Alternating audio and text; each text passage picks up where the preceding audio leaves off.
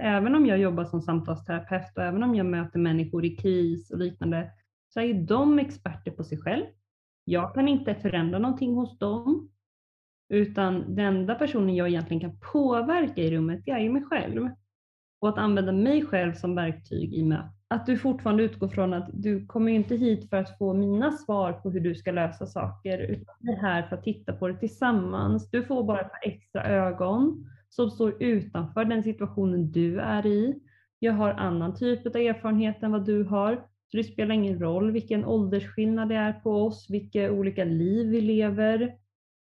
Utan vi kan fortfarande mötas här, vi kan titta på det här tillsammans och vi gör det värderingsfritt. Vi plockar fram de sakerna som skaver, gör lite ont och är lite läskigt att veta hur vi ska hantera. Och vi möter det tillsammans. Jag tyckte den här skålen var fantastisk.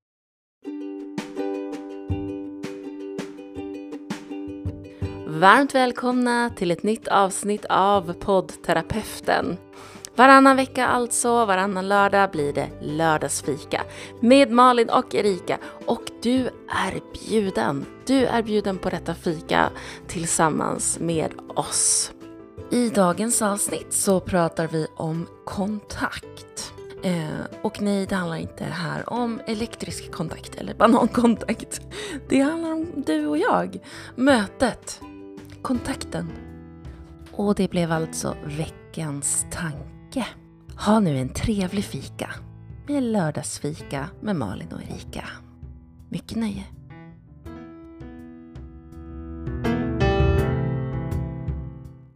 Hej Erika, nu var det äntligen dags för lördagsfika! Ja! Ja! Hur har du det? Jo, men jag har det bra. Jag har varit hos eh, ögonläkaren nu på morgonen så att just nu så ser jag ingenting på nära håll så att jag lever i min egen lilla bubbla. Gud vad jobbigt. Värld. Ja, Ja, men annars är det faktiskt jättebra. Hur är det själv? annars är det bra. Jag har det jättebra också eh, och jag är lite stressad. Mm. Jag har en liten så stressad känsla i kroppen. Det är inget fel på stress i sig, men det är inte så hälsosamt om man inte också samtidigt får återhämtning däremellan så att säga. Precis. Och då ska jag börja med att ta några djupa andetag. Ska jag landa här?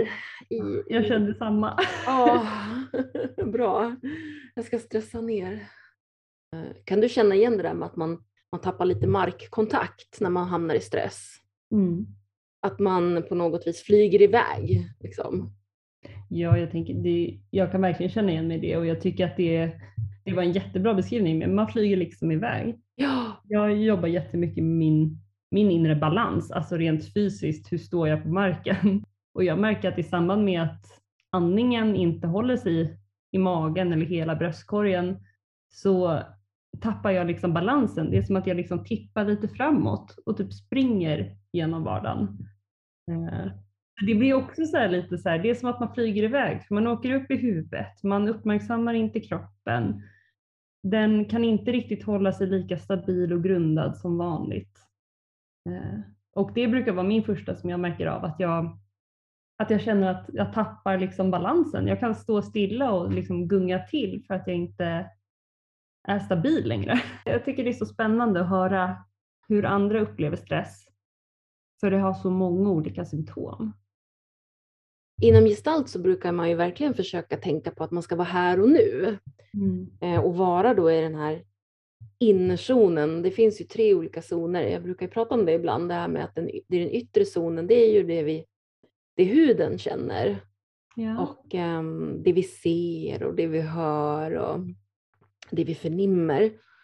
Och sen har vi mellanzonen som är tanken, hjärnan, tankarna ehm, som kommer och går. Och, och det som är häftigt med tankarna det är ju att de kan ju vara både i nutid och dåtid och framtid samtidigt. Mm. Ja, jäklar, det kan de. Och sen, och sen eh, har vi då innerzonen som då är eh, känsla. Ja, ja. Ja. Och känslan är ju bara här och nu. Den kan bara vara här och nu. ja, och den är ju otroligt stark. Mhm. Jag, vet, inte- jag kan väldigt lite om just gestalt, men pratar om någonting om ehm, hur de här står i relation till varandra. Ja. Det är jättespännande för det är här det kan bli då um, en dissonans mellan ja. till exempel innezonen och mellanzonen. När då innezonen känner massa saker som bara är här och nu. Som mm. till exempel just nu känner, känner jag stress. Nu börjar jag faktiskt bli av med den. Jag, jag var stressad men nu börjar jag landa. Så, och nu börjar jag bli här och nu. Ja. Och då, då är man ju bara i, så när man är i stress då, anledningen till att man flyger iväg det är för att man bara är i känsla. Eh, I en stressig känsla. Som du beskrev så bra där att ja, men du, går lite, du tippar lite framåt, det händer grejer i kroppen, du känner massa olika saker som händer också i kroppen. Man är i känslan här och nu. Men samtidigt så, så interagerar innezonen med mellanzonen och mellanzonen håller på att samspela då med innezonen om massa tankar kring stressen. Ja. Den kanske lägger på ytterligare stress genom att säga, men sluta vara stressad nu. den pratar hela tiden med innezonen att jo, jo, men lägg av nu och var stressad. Eller kommer du ihåg sist när du var stressad? Eller börja sätta igång i katastroftankar att ja, men vad händer om du blir mer stressad i framtiden? Då kanske du helt slutar andas. Så att det finns en kommunikation här emellan hela tiden som pågår. Och samtidigt så försöker då innezonen hela tiden hantera känslor här och nu runt de här olika sakerna som då mellanzonen skickar till den. Så mellanzonen kan röra sig både i dåtid, nutid och framtid och mm. innezonen bara i nutid. Så det här det kan bli då en ytterligare, jag brukar kalla det disconnect, kan då bli som ett avbrott mellan de här två ibland. Gud vad, vad spännande. Jag, en liten anekdot på det. För jag, eh, både när jag gick min eh, samtalsterapiutbildning och nu när jag går den här kroppsterapiutbildningen. Eh, jag har också, som du säger, så här, disconnect. Mm. Um, och jag tror att här, det du beskriver om in, ja, innersta och mellersta eh, lagret, liksom, det brukar jag prata om så här, huvud och kropp. Eh, och jag brukar liksom säga att det är som att man får någon typ av disconnect mellan huvud och kroppen. eh, så jag tror att det, är, det låter som att vi i alla fall pratar om ungefär samma saker även om vi beskriver dem med olika ord. Ja.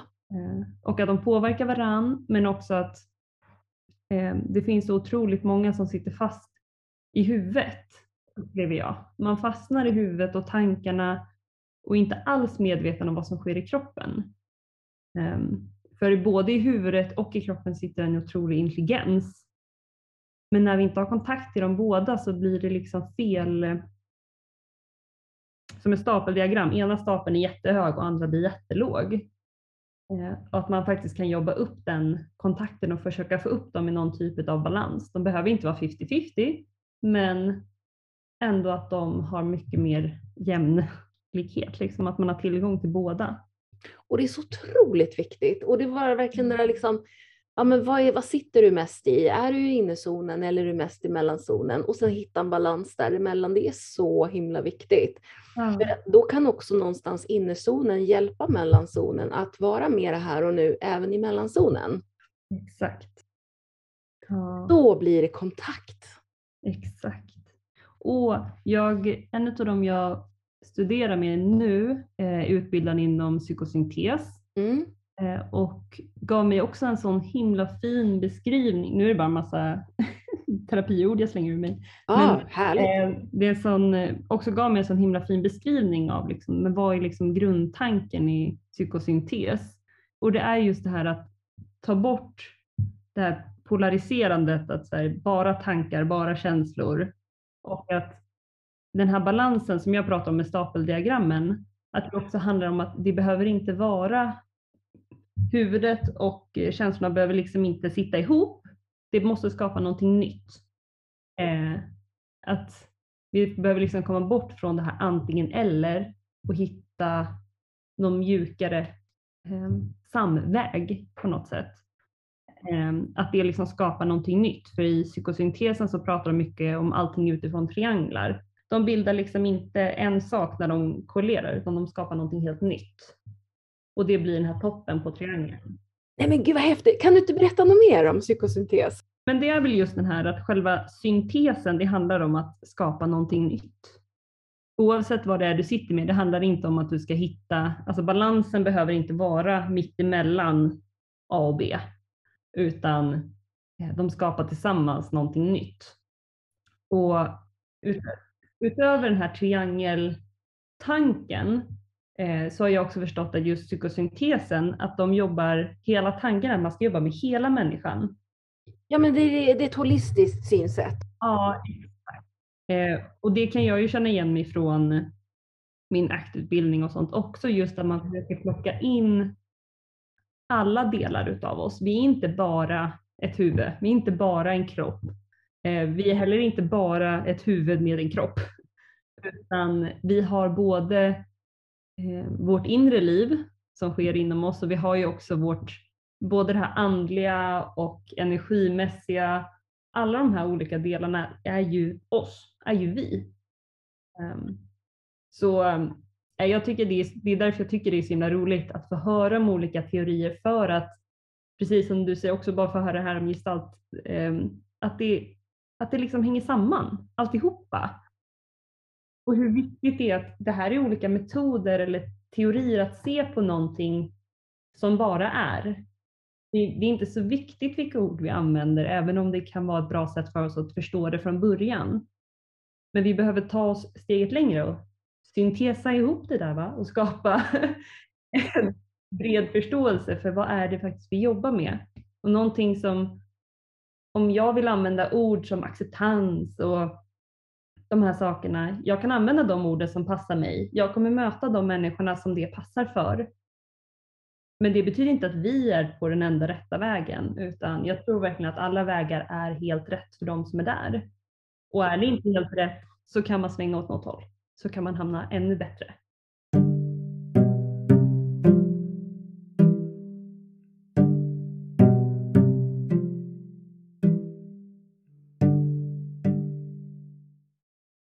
Det jag tänker på, det är ju när det blir då det här dissonansen också, eller disconnecten även med omgivningen ibland. Ja hur kan man då mötas om den andra är på en annan plats just där och då, är i en annan zon? Det finns såklart verktyg som, som vi tar till när vi jobbar med samtalsterapi, mm. men det är svårare nästan när det blir privat, när det är vänner Tack. eller sådär, för då, då, då har man ju också en emotionell, känslomässig relation till den personen. Ja, för jag tänker när man är på jobb, eh, och precis som du säger, det finns sätt att göra det och det finns sätt att bara okej, okay, vi behövde kanske inte få den här kontakten, men vi ska ändå kunna samarbeta. Ja. Men i det privata så hamnar man ju i att okej, okay, men varför blir jag så frustrerad över att vi inte får kontakt? Ja. Eh, och att säga, men den här andra personen kanske upplever kontakt. Hur vet jag om den upplever kontakt och vad är kontakt för den personen? Så jag tänker det kan ju också bli en ännu större fråga, att, men vilka människor vill jag umgås med? Vad vill jag ha för människor omkring mig? Jag har nyligen lyssnat på Björn Natthigos bok. Oh, okay. Och där fick jag också med mig eh, jätte, jättefina tankar som han lyfter i den här. Mm. Men också just det här, eh, för han pratar ju väldigt mycket om att möta människor som man inte klickar med. Att vara bland människor där man inte får kontakt och hur man kan hitta ett lugn i det. För I alla våra möten så speglar vi ju, vi, vi speglas ju i hur vi klarar av att hantera ett möte där inte får kontakt. Det är ingen bollplank här, eller jag känner, jag känner att vi inte connectar överhuvudtaget.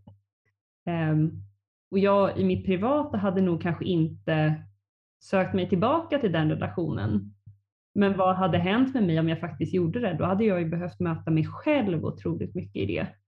Jag kan heller inte pracka på någon annan en förändring. Fast man gärna vill det, för det hade ju varit skönare, för då kan jag känna kontakt. Men ja. gud så spännande. Du var redan inne på det där i början, mm. det där mm. med acceptans igen. Att mm. det handlar ju faktiskt om, om mig. Ja.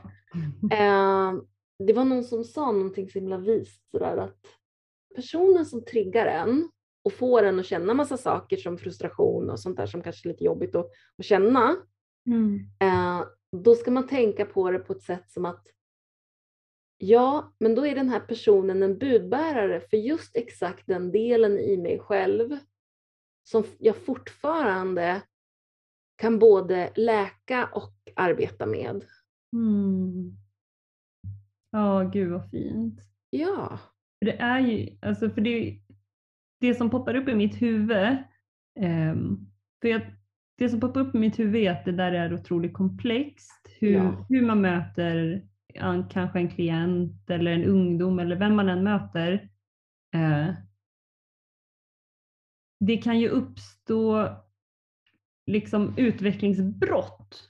Jag tror att jag, jag kan ha ganska svårt att sätta ord på när det är kontaktbrott, upplever jag. Eh, För jag tror att i, i samtal där jag får möjlighet att vara um, samtalsterapeuten eller kuratorn eller vilken roll jag än är, att jag kan ju fortfarande, det kan ju väcka jättemycket saker i mig.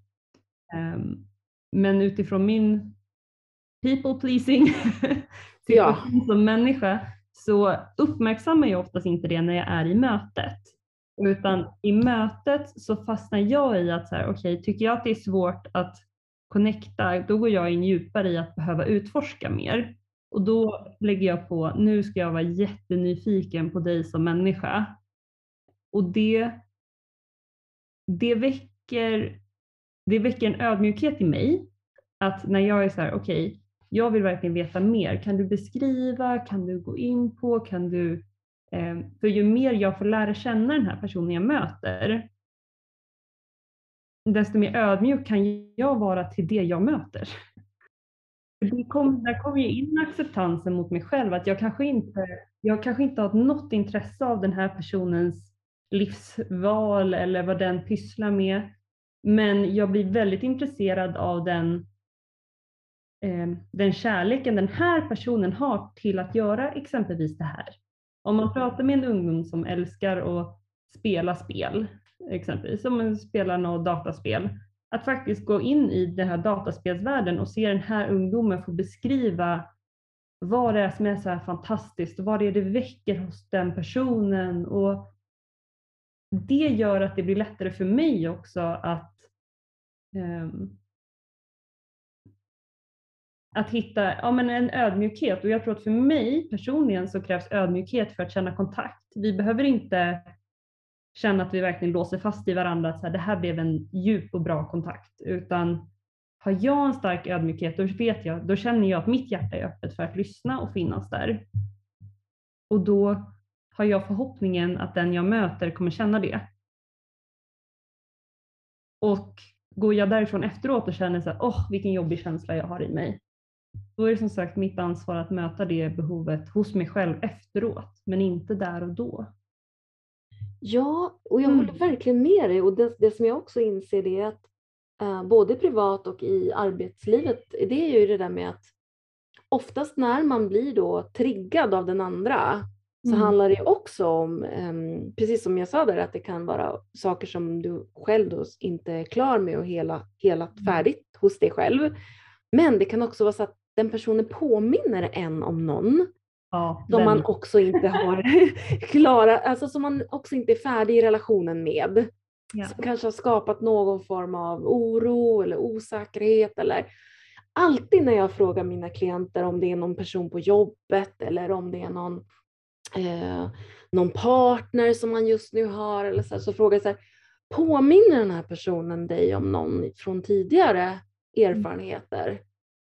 Och det gör ju alltid det. Ja, det gör det ju. Och det Ja. som får upp mitt huvud på en gång är ju massa människor som bara, ja, den och den, den och Ja. den. och då tar man upp och då liksom eh, oreflekterat då, så, så tar man ju upp den här ryggsäcken som hörde till den Japp. personen ish. Liksom.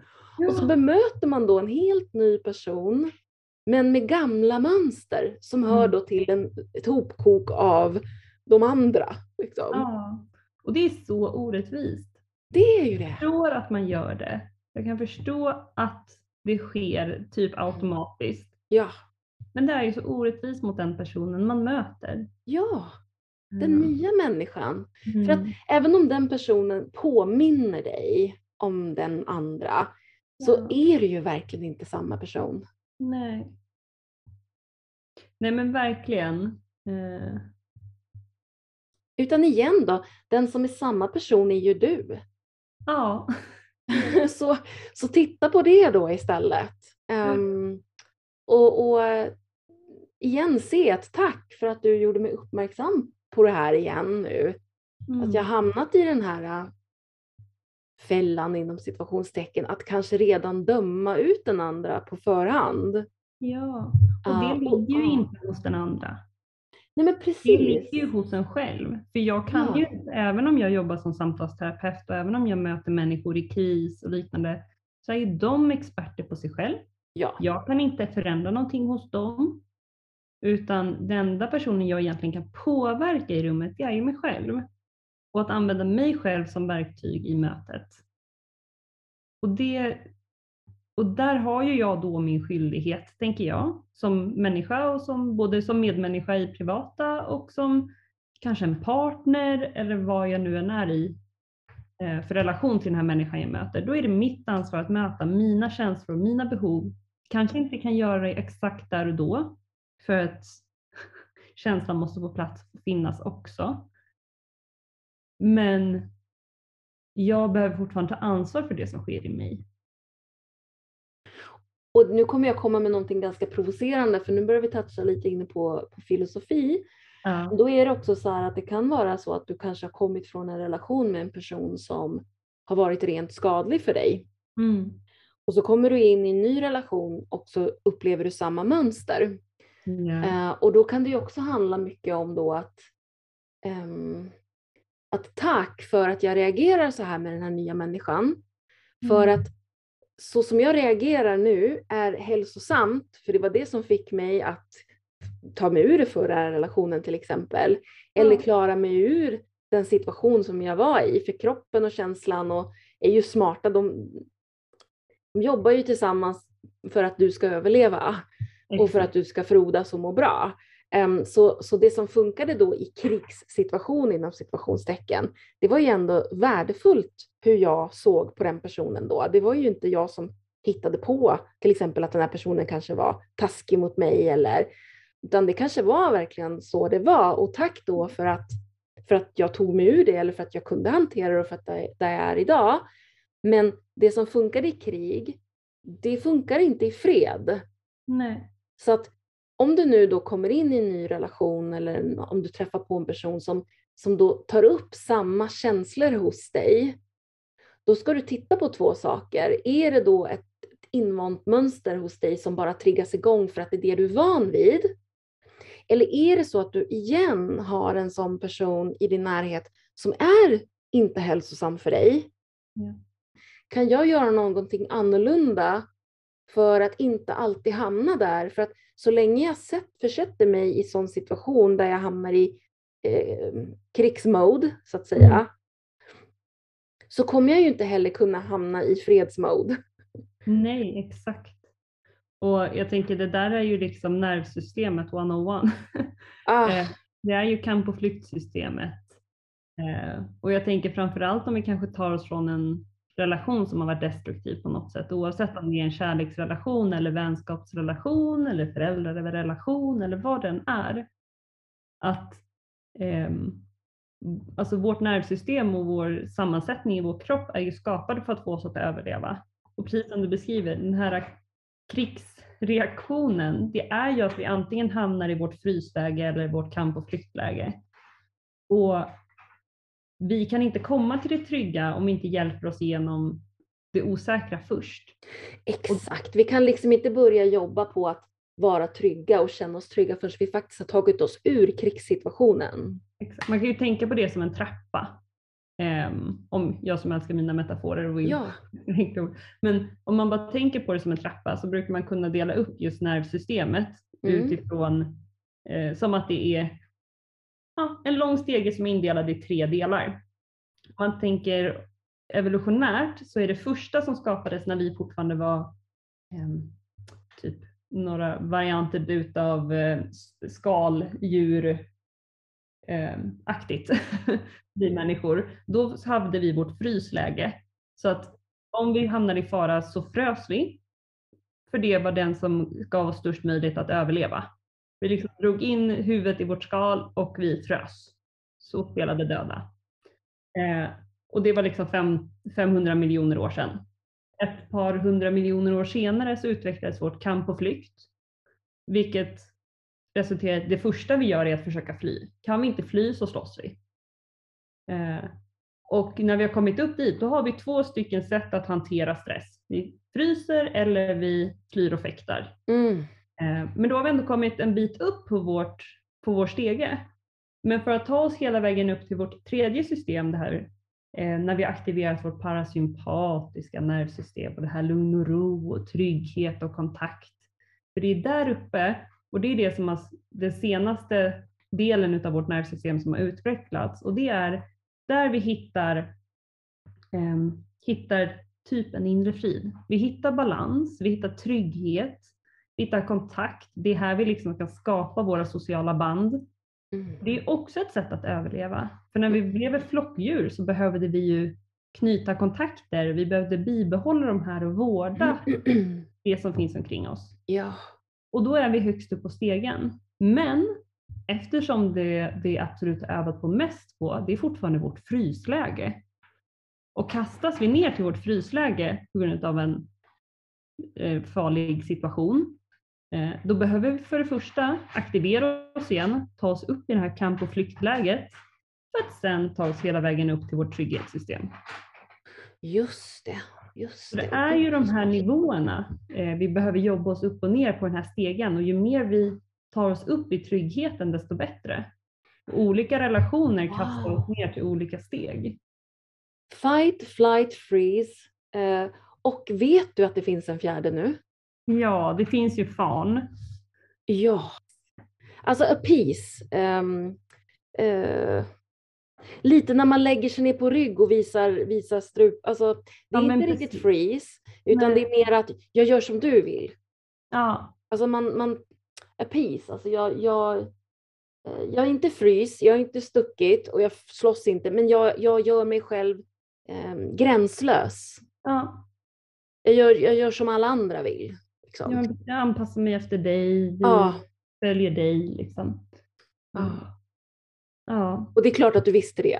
Gud vad roligt. Nej, men jag tänker, ja, det är ju inte länge sedan jag lärde mig, alltså det är ju att man använder bara olika ord. Och Ja. jag tänker just, jag vet inte exakt vart just den appease eller fan eller vilket ord man nu än vill använda, vart på just den här listan den kommer. Men jag skulle gissa att den kommer mellan kamp och flykt och trygghet.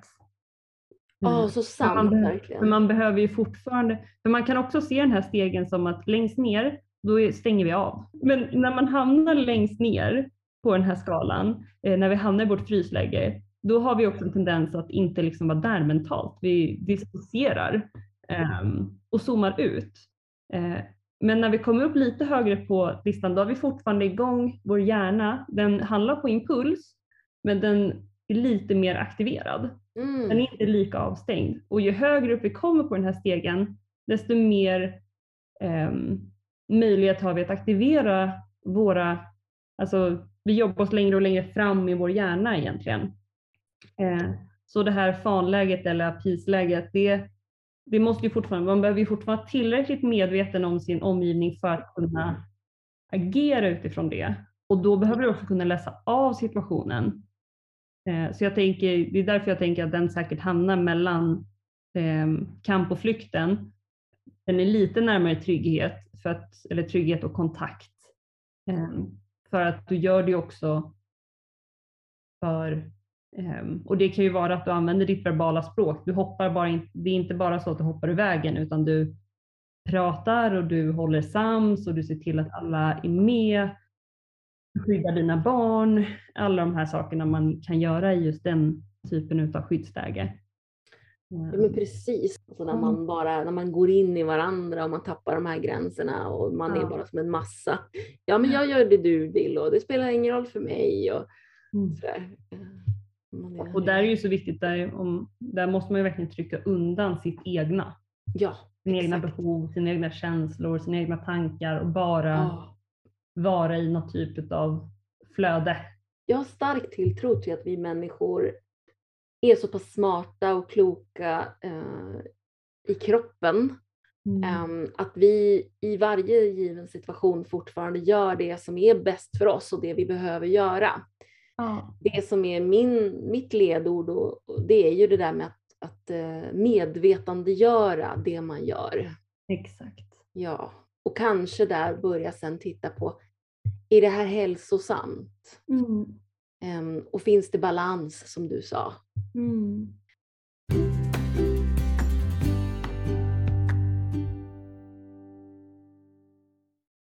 Nu har vi pratat jättemycket om det här med kontakt och människor och kring möten och sånt där är privat och sen det är väldigt viktigt att du som terapeut är värderingsfri. Eh, för att det handlar ju om det där då med att lägg nu alla dina, allt ditt bagage, för du använder ju dig själv som verktyg. Du använder ju samtalet som verktyg och så använder du ju tystnad som verktyg på olika sätt och lyssnande som verktyg. Men sen använder du också faktiskt dig själv. Eh, och här är det ju då väldigt viktigt att du då inte eh, droppar då sju kilo olika andra erfarenheter, mönster och bagage i knät mellan dig och klienten som då står i vägen på något vis. Att man då kan parkera brukar jag säga. Sätt in en Ja. parentes. Visualisera en parkeringsplats och sen så bara så parkerar du den där, e- det där egna bagaget. Så att du kan vara fri och öppen eh, och mottaglig för här och nu med din klient och i det Mm. mötet. Ja. ja men, för jag tänker på något sätt att eh, som samtalsterapeuter och människor som möter andra människor, eh, ingen av oss är ju perfekta. Vi bär ju alla på vårt eget bagage Exakt. och det är klart vi kommer triggas av olika människor vi möter. Det är så mänskligt det bara kan bli. Men som du säger också, här, parkera dina egna känslor just nu. Eh, För det är heller in, du är inte där för att ta hand om dig själv. Men det är viktigt att ta hand om sig själv i relation till klienten. Men det kanske du behöver göra efteråt. Men i mötet så är det också viktigt att poängtera vad som händer. Men utifrån klientens perspektiv. Exakt, och jag brukar ju prata om skålen. Du har din badboll som är så underbar. Ja. Ja, och den, hörde du förra avsnittet? Då pratade vi om din badboll Jo, igen. vi hör det. och min favorit är ju skål. Jag älskar ju badbollen också, den, är, den hänger med. Men min är ju den här skålen. När du använder dig själv som verktyg i en terapeutisk situation så ska du också tänka dig den här skålen. Men det kan ju alla göra faktiskt. Man behöver inte vara i en så här professionell samtalsrelation eh, situation utan du kan tänka dig då liksom att jag ska fortfarande vara öppen och värderingsfri mot min klient. Eh, så då brukar jag föreställa mig en skål framför mig sådär att det som klienten lägger i skålen mellan mig och klienten det är sånt som man då kan eh, titta på och smaka på och man kan utforska emellan oss på något vis. Det Blir det jag är jätteflummigt nu? Nej, det där var jättefin beskrivning. Ja, vad, vad skönt. Bra. Då, Det är, ju ändå, men det är ju ändå mellan oss som vi möts. ja, Du, har ju, du behöver ju fortfarande ha kvar ditt skinn och din kropp och ditt väsen. ja. Men ni kan baka ihop sig. Ja men Liksom. precis. Så då man Mm. sätter sig ner då, antingen online eller så här eller, eller, eller fysiskt, så man liksom tänker sig, ja men okej nu, nu, nu har jag parkerat mitt eh, och häng, hängt av mig liksom ytterkläderna, tagit av mig skorna i hallen liksom. Så, Ja. inom situationstecken, alltså det jag kommer med. Men det är det jag menar med att man ska parkera även det. Eh, och man ska hänga av sig, jag brukar säga, men häng av dig ytterkläderna, för det är det, det är det som är det på något vis. Ja, Eh, och sen så sätter man sig ner här och nu eh, i alla tre zoner, kontakt och så lägger man skålen mellan sig och klienten. Och så här är den. Och så ehm, det här kan jag erbjuda nu. Ehm, och vad vill du prata om? Vad vill du lägga skålen?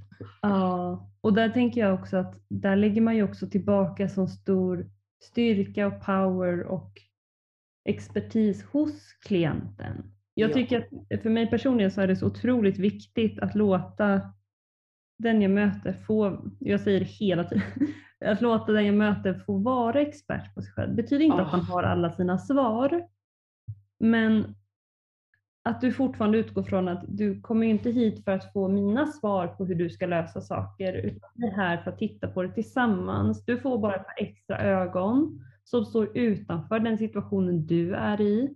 Jag har annan typ av erfarenhet än vad du har. Så det spelar ingen roll vilken åldersskillnad det är på oss, vilka olika liv vi lever.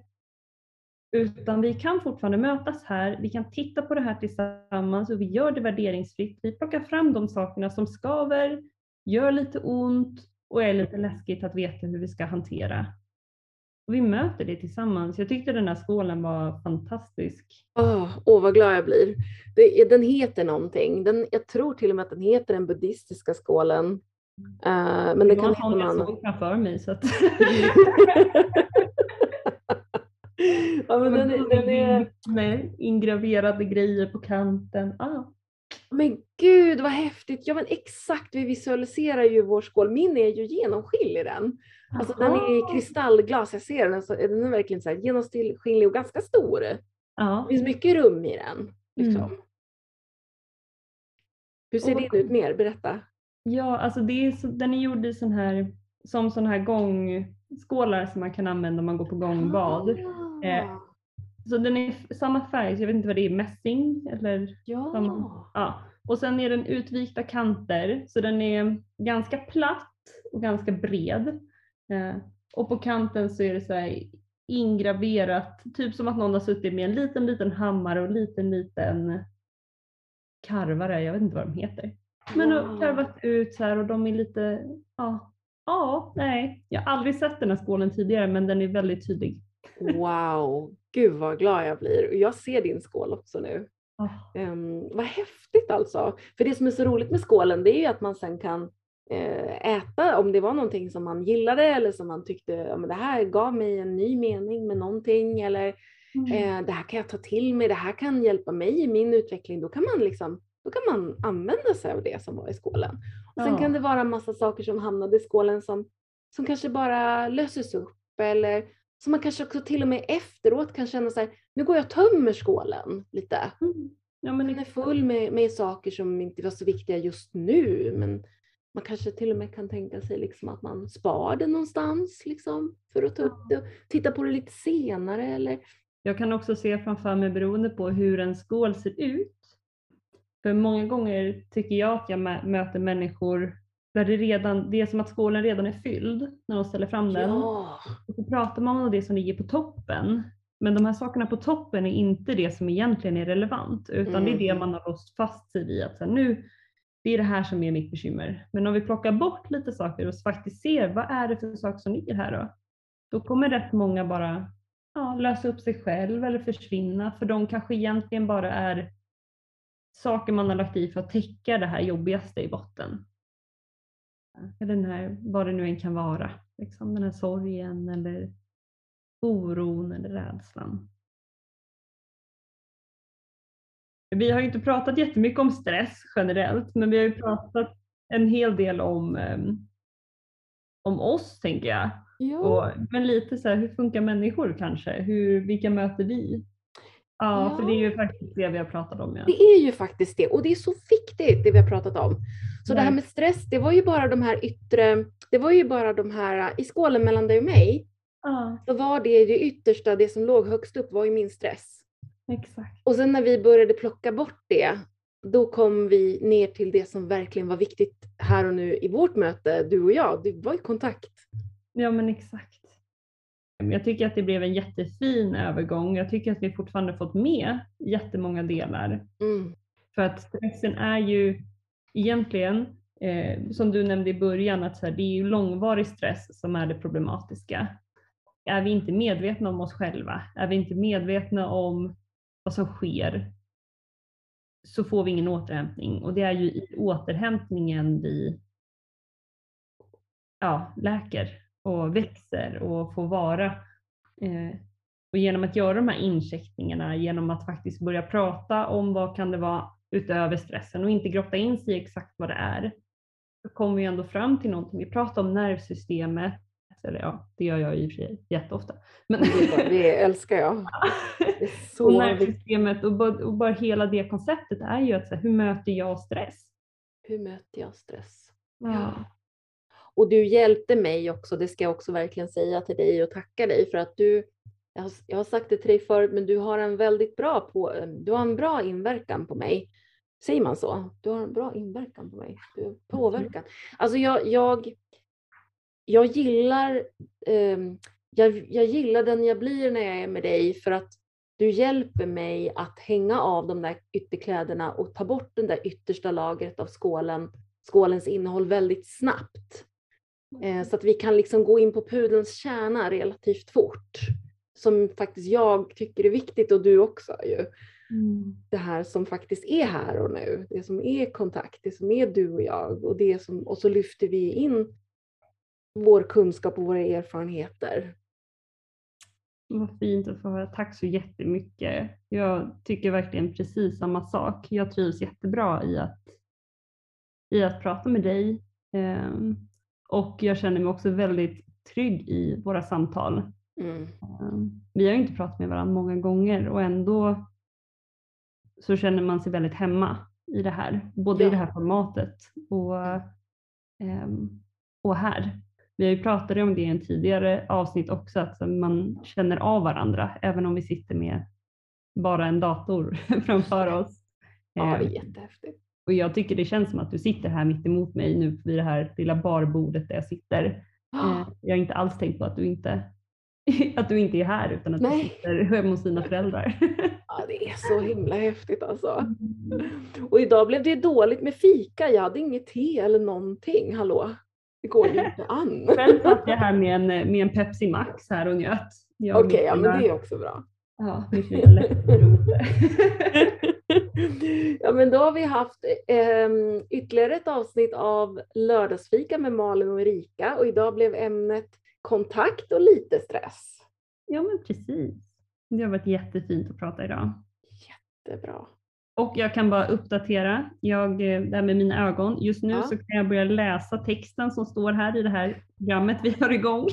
Härligt, härligt. Så att eh, synen är på väg tillbaka. Och gud vad skönt. Apropå kroppens fantastiska förmåga till och med ja. parera en sån sak. Verkligen. Kommer du ihåg avslutningsvis, har jag berättat det för dig när jag var, när jag var hos ehm, eh, eh, Chris, Chris McAllister, han var ju med i ett avsnitt en gång, pratade om optimal hälsa. Och då pratade vi jättemycket om det där med kroppen och hjärnan. Sa jag det till dig? Jag har sagt det, det här. tror jag inte. Nej, men då, han, det var så himla roligt för jag, jag var så arg och jag var så ledsen på min kropp för att den, den hade ju massa problem och ja, men den hade väl reagerat på stress då. liksom. Mm. Så jag hade ont i magen och jag hade problem och jag tyckte inte att jag, jag, hade, jag, jag mådde inget bra liksom. Mm. Och jag kommer ihåg då att jag sa det till honom i frustration att min kropp är så dum liksom. Det, det är mycket bättre med min hjärna än min mellanzon, för den, den är med fortfarande, den är smart och den gör grejer liksom. Men i kroppen, den orkar ingenting, den är bara dum, sa jag till, till honom. Mm. Och då säger han så här, men du, har du tänkt på att det kan vara tvärtom? att det faktiskt är din kropp som är smart och att det är du som är lite dum. Så himla fint sagt och så himla, himla, himla sant. Ja, jag bara, hmm. du kanske har en poäng. Men det är där, när man, får, när man får en sån där mening som man bara, ja. shit, det här behöver jag förhålla mig till nu för nu kan jag inte ha det. Ja, för det är så här, liksom, min kropp vill ju bara vila nu, den vill ju bara vara här nu, den är smartare än allt annat just nu, den behöver det här. Den skickar massa signaler och vad gör jag då i mellanzonen i hjärnan? Jo, jag håller på att berätta för den att, den, att det har vi inte tid med. Exakt, man visslar bort det och bara... Ja, och det här var ju dumheter. Liksom. Ja. oh, oh my god. Ja. Så är det. Tack så jättemycket för, för samtalet idag. Det var jätteroligt. Tack själv Malin. Jag ska ta med mig allt det vi har pratat om um, och det här med det du förklarade om det uh, om den här trappan var jättespännande mm. och den här uh, alla de här sakerna som du berättade idag, jag tar verkligen med mig det. Det var så häftigt alltså. Jag tänker verkligen på att, att vårat traumasystem, alltså vårt självreglerande traumasystem också någonstans har utvecklats när vi har utvecklats och blivit ja. gått liksom från, från freeze till, till nu då, kanske till och med peace eller ja. Mm, ja, jag tycker det är super, super häftigt hur, hur smart vår kropp är. Alltså är- hur smarta vi är som varelser. Ja. Ja, det Ja, för lite skämtsamt kan man ju säga att hjärnan då alltså det är två olika, men det är, jag tror lyssnarna fattar det. Att det, det är liksom, herregud, även hjärnan är ju en del av vår kropp. Ja, exakt. Mm. Och den behöver också saker. Ja. Ja. Ja. Men alright, då, då ses vi igen näst, nästa lördag. Då blir det en ny lördagsfika med Malin och Erika. Då får vi se vad det handlar om då. Jajamensan. Det vet man aldrig. Ja. Tack så mycket för idag. Tack själv. Ta hand om dig. Kram kram. Kram. Hej!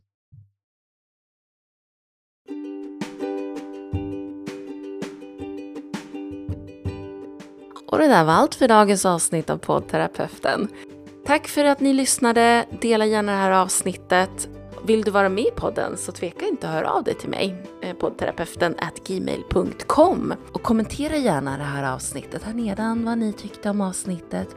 Men framförallt vad som väcks i dig när du tänker på kontakt och mötet med andra människor. Har du stress just nu så ta några djupa andetag. Vi hörs snart igen hoppas jag.